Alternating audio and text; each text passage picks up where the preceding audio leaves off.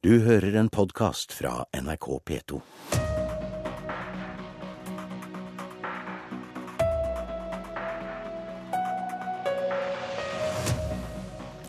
Både Dublin-avtalen og Schengen-samarbeidet vakler, men regjeringa vil ikke høre snakk om å gi syrere særbehandling for det. Og vi mangler nasjonalt lederskap for å sikre god folkehelse, mener Senterpartiet, som skylder helseministeren for å ikke bry seg. God morgen, du hører på Politisk valgkvarter. Vi begynner med situasjonen for de syriske flyktningene. Og Eh, det er altså slik at uh, Tyskland sin forbundskansler Angela Merkel sier at hele Schengen-samarbeidet står på spill, og at Dublin-avtalen ikke verker etter intensjonen. Og de let altså alle syrere få behandla sin søknad i Tyskland. Dagrun Eriksen, nestleder i KrF, du vil at den norske regjeringa skal gjøre det samme. Hva vil det løse? Det vil løse utfordringer for de landene som nå har det største trykket. De grenselandene i Schengen, Italia, Hellas. Eh, nå ser vi at eh, flyktningene er kommet til Ungarn. Utfordringen til disse landene er at hvis de registrerer flyktningene, så må Norge sende tilbake til Dublin. Eh, etter Dublin-avtalen sender de tilbake til det landet. Og jeg syns Angela Merkel nå har tatt et ganske godt lederskap i Europa. Sagt at det er en krise- og unntakssituasjon. Vi må sette den Dublin-avtalen til side. Og det ønsker vi at kan komme som tydelig signal også fra den norske regjeringen. Det er et lederskap vi må ta. Jeg tror alle blir berørt av de TV-scenene vi ser. Og nå er det Italia og Hellas og landene rundt der som tar de største byrdene. Og vi kan ikke forvente at alle flyktningene skal sendes tilbake der, og at det er der de skal få behandla sine asylsøknader. Europaminister Vidar Helgesen fra Høyre, hvor mener du blir konsekvensen hvis Norge er som Tyskland og sier at alle syrere skal få behandla sine søknader her? Det vil i og for seg ikke ha så veldig stor konsekvens, fordi vi sender ikke ut så veldig mange eh, syrere i dag. Vi sender ingen til Hellas, som er det landet som har det, den største pågangen. Men vi er opptatt av at dette er en situasjon eh, som kommer til å kreve mye av hele Europa, og av oss i Norge, i mange år fremover. Dette er en akutt eh, krise, men det er også en langsiktig utfordring. Og nettopp fordi det er en langsiktig utfordring, så er det viktig at Europa løser dette i fellesskap. Og da er det viktig at vi eh, hvis vi skal gjøre endringer i Schengen og eh, Dublin-systemet, gjør det som en del av en europeisk løsning. og ikke si tek grep på egen hånd, slik da KrF tek til orde for? Vi, vi, eh, mener at det er viktig å finne felles europeiske løsninger her. Så er det en mulighet under Dublin å eh, gjøre det tyskerne har gjort. Og det er helt forståelig at Merkel har gjort det hun har gjort. Det er fordi det er både praktisk og politisk utenkelig at de skal sende ut flere hundre tusen mennesker. Det har kommet langt flere asylsøkere dit. Så det eh, tyskerne gjør, er forståelig. Det er også i tråd med Dublin. Men vi har en håndterbar situasjon i Norge. Vi eh, har et vedtak i juni i Stortinget om Syria-flyktninger som vi følger opp. Vi får en økt tilstrømning av asylsøkere nå. Det må vi håndtere. Vi er i europeisk sammenheng et av de mer sjenerøse landene, og det vil vi fortsette å være. Eh, men det er også viktig at vi ser at dette er ikke noe utfordring for Norge alene, og det er mange europeiske land som må gjøre mer. Det, altså når en hører at dette er ikke noe utfordring for Norge fordi vi har alt i orden, så tror jeg at alle som ser bildene nede fra Tyskland nå, skjønner hvilket lederskap Angela Merkel faktisk har tatt. De skal ta imot 800 000 eh, asylsøkere og flyktninger i neste året. Hvis Norge skulle tatt imot det, så ville det tilsvart 50 000 mennesker. Eh, så det er klart at da, I forhold til vårt folketall? I forhold til vårt folketall. Og da blir det nesten enda rarere at ikke vi, som faktisk ikke har det store behovet, kunne vært med og gitt den støtten både til Angela Merkel og Tyskland, men også til de europeiske landene som nå tar den største byrden, og sagt at vi stiller opp. Dublin-avtalen kan settes til side. Den var lavt for helt andre virkeligheter enn det vi ser nå. Den var lavt for at ikke folk skulle gå fra land til land og søke asyl om og om og om igjen. Det vi ser nå, er en krisesituasjon. Og Da handler det om at vi klarer å ikke vente på møter eller vente på fellesskap. Dublin-avtalen gir oss mulighet til å ta grep sjøl, og dette er en solidaritetshandling som Norge kunne bidratt med i det europeiske fellesskapet. Og For en EU-motstander så er det faktisk viktig at vi stiller opp for det europeiske fellesskapet eh, også, og det bør vi gjøre i denne sammenhengen. Og Helgesen, Er du, enig i at Dublin-avtalen fungerer ikke helt for den krisa vi står overfor nå? Eh, det er helt riktig, og det er derfor tyskerne gjør det de vil. Eh, for det fungerer ikke for dem.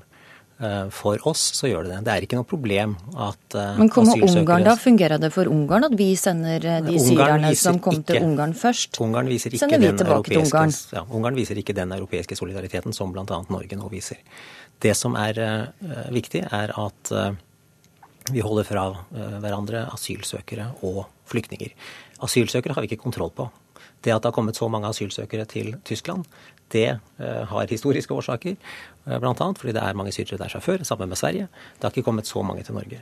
Eh, men det vi har kontroll på, er hvor mange flyktninger vi er villige til å ta imot. Vi har meldt inn flere til EUs bosettingsprogram enn noe annet men land, faktisk. Alt det er jo kjempebra. Og så må vi ta del i den store debatten om hvordan europeisk migrasjons- og flyktningpolitikk skal utformes for årene fremover. Ja. Men per i dag så er det ikke noe grunn til å gjøre noe med praktiseringen av Dublin-regelverket for Norges del. Eriksen. Men det rareste argumentet her blir fordi at alt er så greit i Norge, så skal ikke vi stille opp. Eh, fordi at det, det er helt, Jeg syns det er flott at vi har tatt det vedtaket vi har tatt på flyktninger. Nå ser jo kanskje behovet at vi har behov for å gjøre mer, men vi må også håndtere den økte asyltilstrømningen som nå skjer.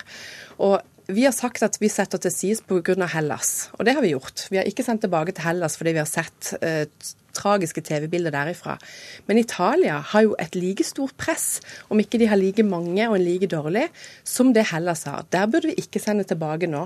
Dette er jo ikke, eh, er jo ikke først og fremst eh, personer, pakker eller noe sånt. Dette er mennesker i nød. Og vi vet at hvis vi sender de tilbake til disse landene uten strukturer og uten infrastruktur, så blir sånne scener som vi har sett på NRK og andre nå, at de ligger på, på bakken, de aner ikke hva de skal gjøre. Det er et kjempestort eh, nødsprosjekt nå som Europa må stille opp for. Og da bør Norge, i hvert fall, som, som, ikke har de store utfordringene som Angela Merkel og andre står i, stille opp for det solidaritetsprosjektet. Og jeg forstår ikke at ikke Høyre eh, vil ta det lederskapet. Eh, jeg syns Erna Solberg hadde kledd å ta et sånt lederskap i Norge som Angela Merkel har gjort i Tyskland. Helgesen. Eh, Tyskland er det eneste landet som har gjort dette. Og det er helt forståelig at Tyskland har gjort det, fordi er, de er i en ekstrem situasjon. Eh, men Dublin-systemet er utformet for å sikre at europeiske land tar eh, felles ansvar. Og vi syns det er veldig viktig å holde fast ved her. Også fordi dette er en situasjon som skal håndteres over tid. Og skal man gjøre endringer i regelverket, så bør det gjøres i fellesskap. Og det kan komme til å skje allerede i høst, men eh, det må gjøres i fellesskap. Og det må gjøres med Bør han ikke kjappe seg litt her, da? Vi tar ansvar både for, eh, av, for bosetting av flyktninger og uh, når det gjelder mottak av uh, asylsøkere. Men vi overholder det felleseuropeiske regelverket fordi vi er i stand til det. Og Det er ikke noe galt å sende, sende, asylsøkere som først har kommet til Nederland, tilbake til Nederland. De har kapasitet til å gjøre dette. Det er ikke noe galt å sende dem til Polen. Heller De har kapasitet til å gjøre det. Eh, Italia. Når det gjelder Ungarn og Italia. når det gjelder Italia, så er det jo nå sånn under EUs nye program at da skal man ikke sende tilbake til Italia fordi eh, belastningen der er for stor. Til Hellas sender vi ikke.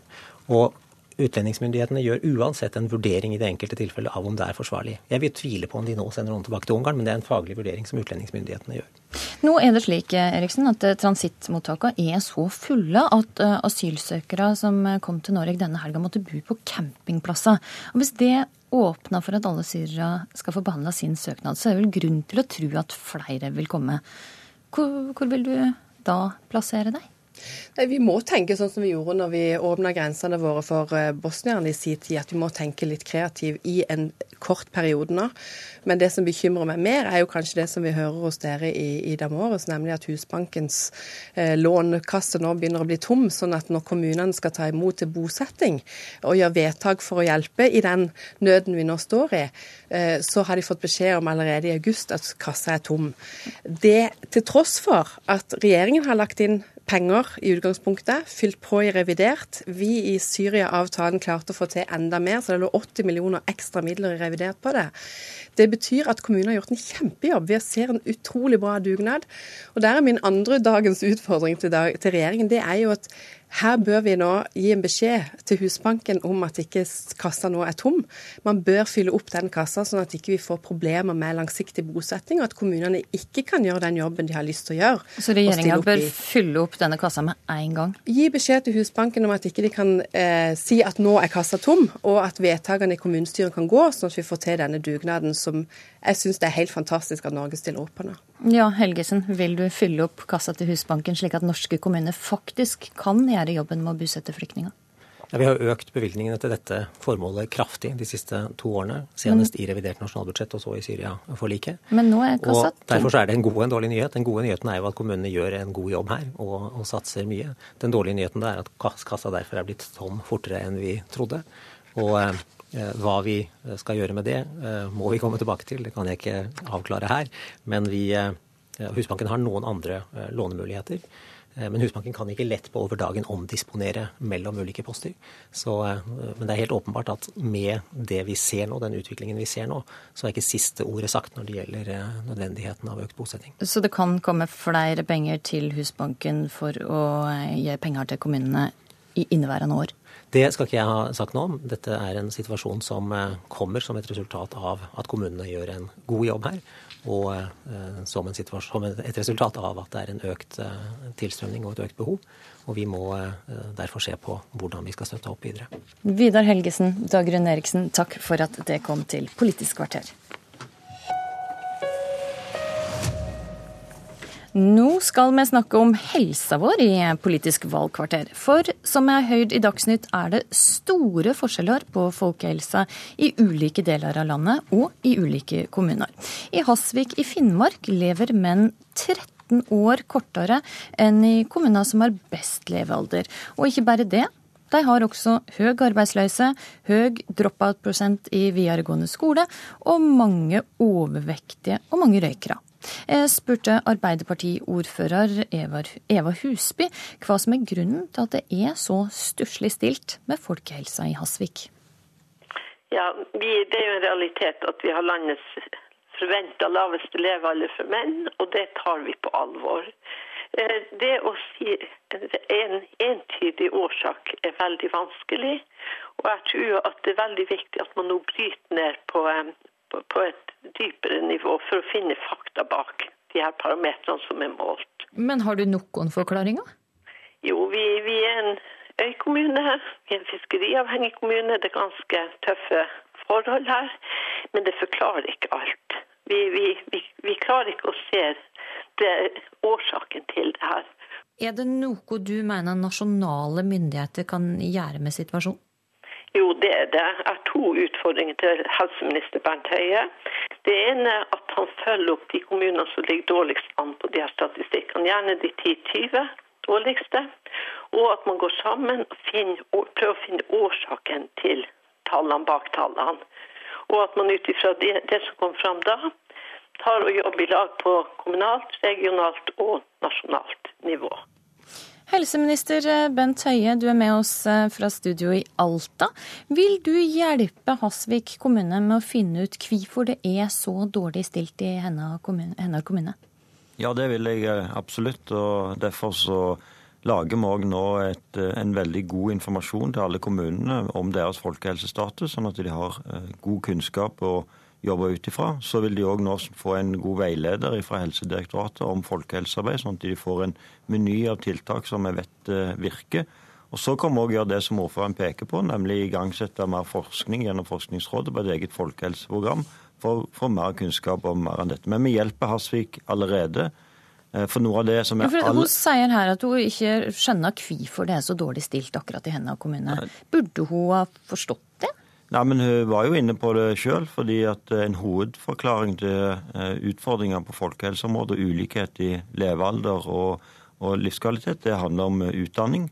Og Der bidrar regjeringen allerede gjennom det som vil bety aller mest, nemlig å satse på kompetanse, etter- og videreutdanning for lærerne i skolen. For det er den faktoren som har størst betydning for at alle elevene skal ha muligheten til å Eh, fullføre eh, utdanningen sin. Så Det er noe av det viktigste folkehelsetiltaket som kan igangsettes. Men da er vi jo avhengig av at eh, ordføreren i Hasvik òg følger opp og faktisk sender sine lærere på etter- og videreutdanning, og får en, en skole som satser på kunnskap. Forstår. Kjersti Toppe, helsepolitisk talsperson i Senterpartiet. Du mener at det nasjonale folkehelsearbeidet mangler leierskap. Hva konkret er det du savner fra helseministeren? Eh, Det er sånn at eh, aller viktigste i helsepolitikken er, er, jo folkehelsepolitikken. Og at vi har eh, økte sosiale helseforskjeller i, i Norge. Det er, det er, den største helseutfordringen vi har. Og i den situasjonen så reagerer vi på at vi har en helseminister som på en måte kun snakker om behandling, og nærmest aldri eh, er tydelig på eh, hva en vil gjøre nasjonalt eh, for å sikre bedre eh, forebygging. Og det er gjort mange folkehelsefiendtlige prioriteringer som helseministeren har vært en pådriver for. Kom med noen konkrete kan nevne, Jeg har da fem eksempel. Jeg har at en har fjerna frukt og grønt i skolen. En har ikke villet innføre en times fysisk aktivitet i skolen hver dag, selv om det er et reelt politisk flertall for det i Stortinget. En har økt alkoholkvotene på taxfree, som har fått store konsekvenser. Eh, de fjerner krav til bevilgningsordningen for salg av tobakk, som kunne ha eh, redusert salg til mindreårige, veldig viktig.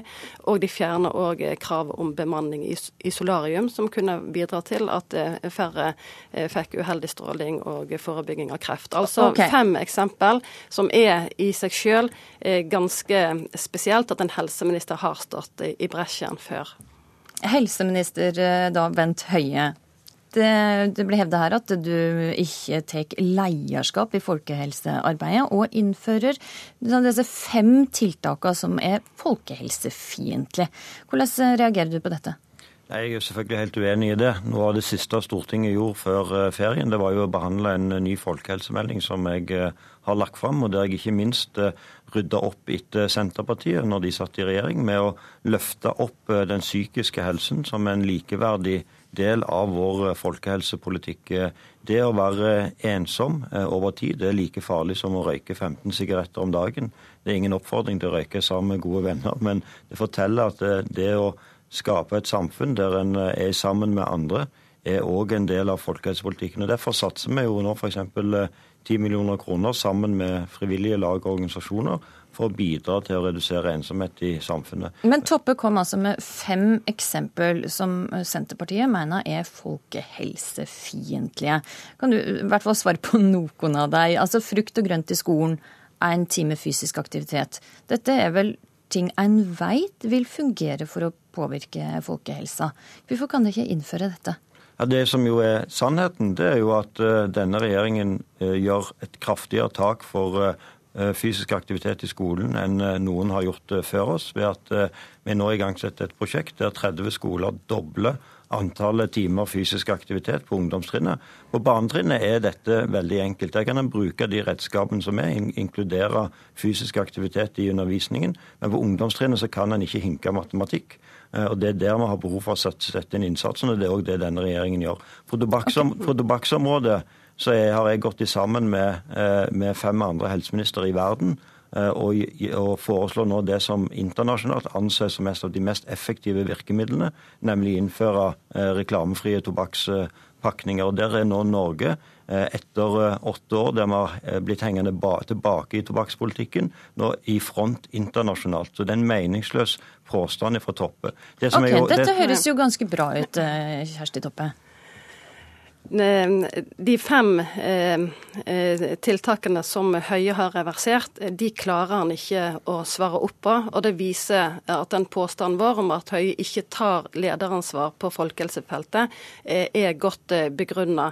Dette med at en har tatt frukt og grønt vekk fra elevene, har, ikke hørt én helsefaglig begrunnelse for hvorfor en mener det skal føre til utjevning av sosiale helseforskjeller. Vi vet nok om en times fysisk aktivitet. Det var et flertall i forrige storting på at dette var målet politisk å innføre. Når vi fikk ny regjering, så ble dette redusert til at vi kun skal styrke fysisk aktivitet. Så på felt etter felt Toppe, så har Høie gått vekk fra Stortinget sine mål. La Høie få svare på det, da. Kort. Mens, mens, du snakket om fysisk aktivitet i skolen i åtte år uten å gjøre noe, så, gjør, så gjør, vi noe. Det er tull. Nei, det er ikke tull. Vi òg gjorde Nei, mye gjorde, på fysisk aktivitet. ingenting satsing på fysisk Jo, aktivitet i skolen.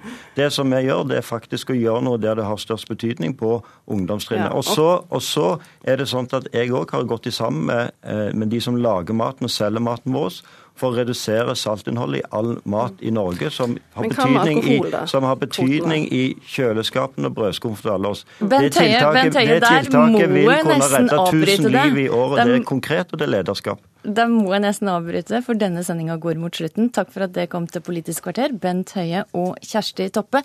Det blir mer helsestoff i NRK1s i valgsending, som går fra Karasjok i kveld på NRK1 klokka 21.30. Det var Politisk kvarter. Du har hørt en podkast fra NRK P2.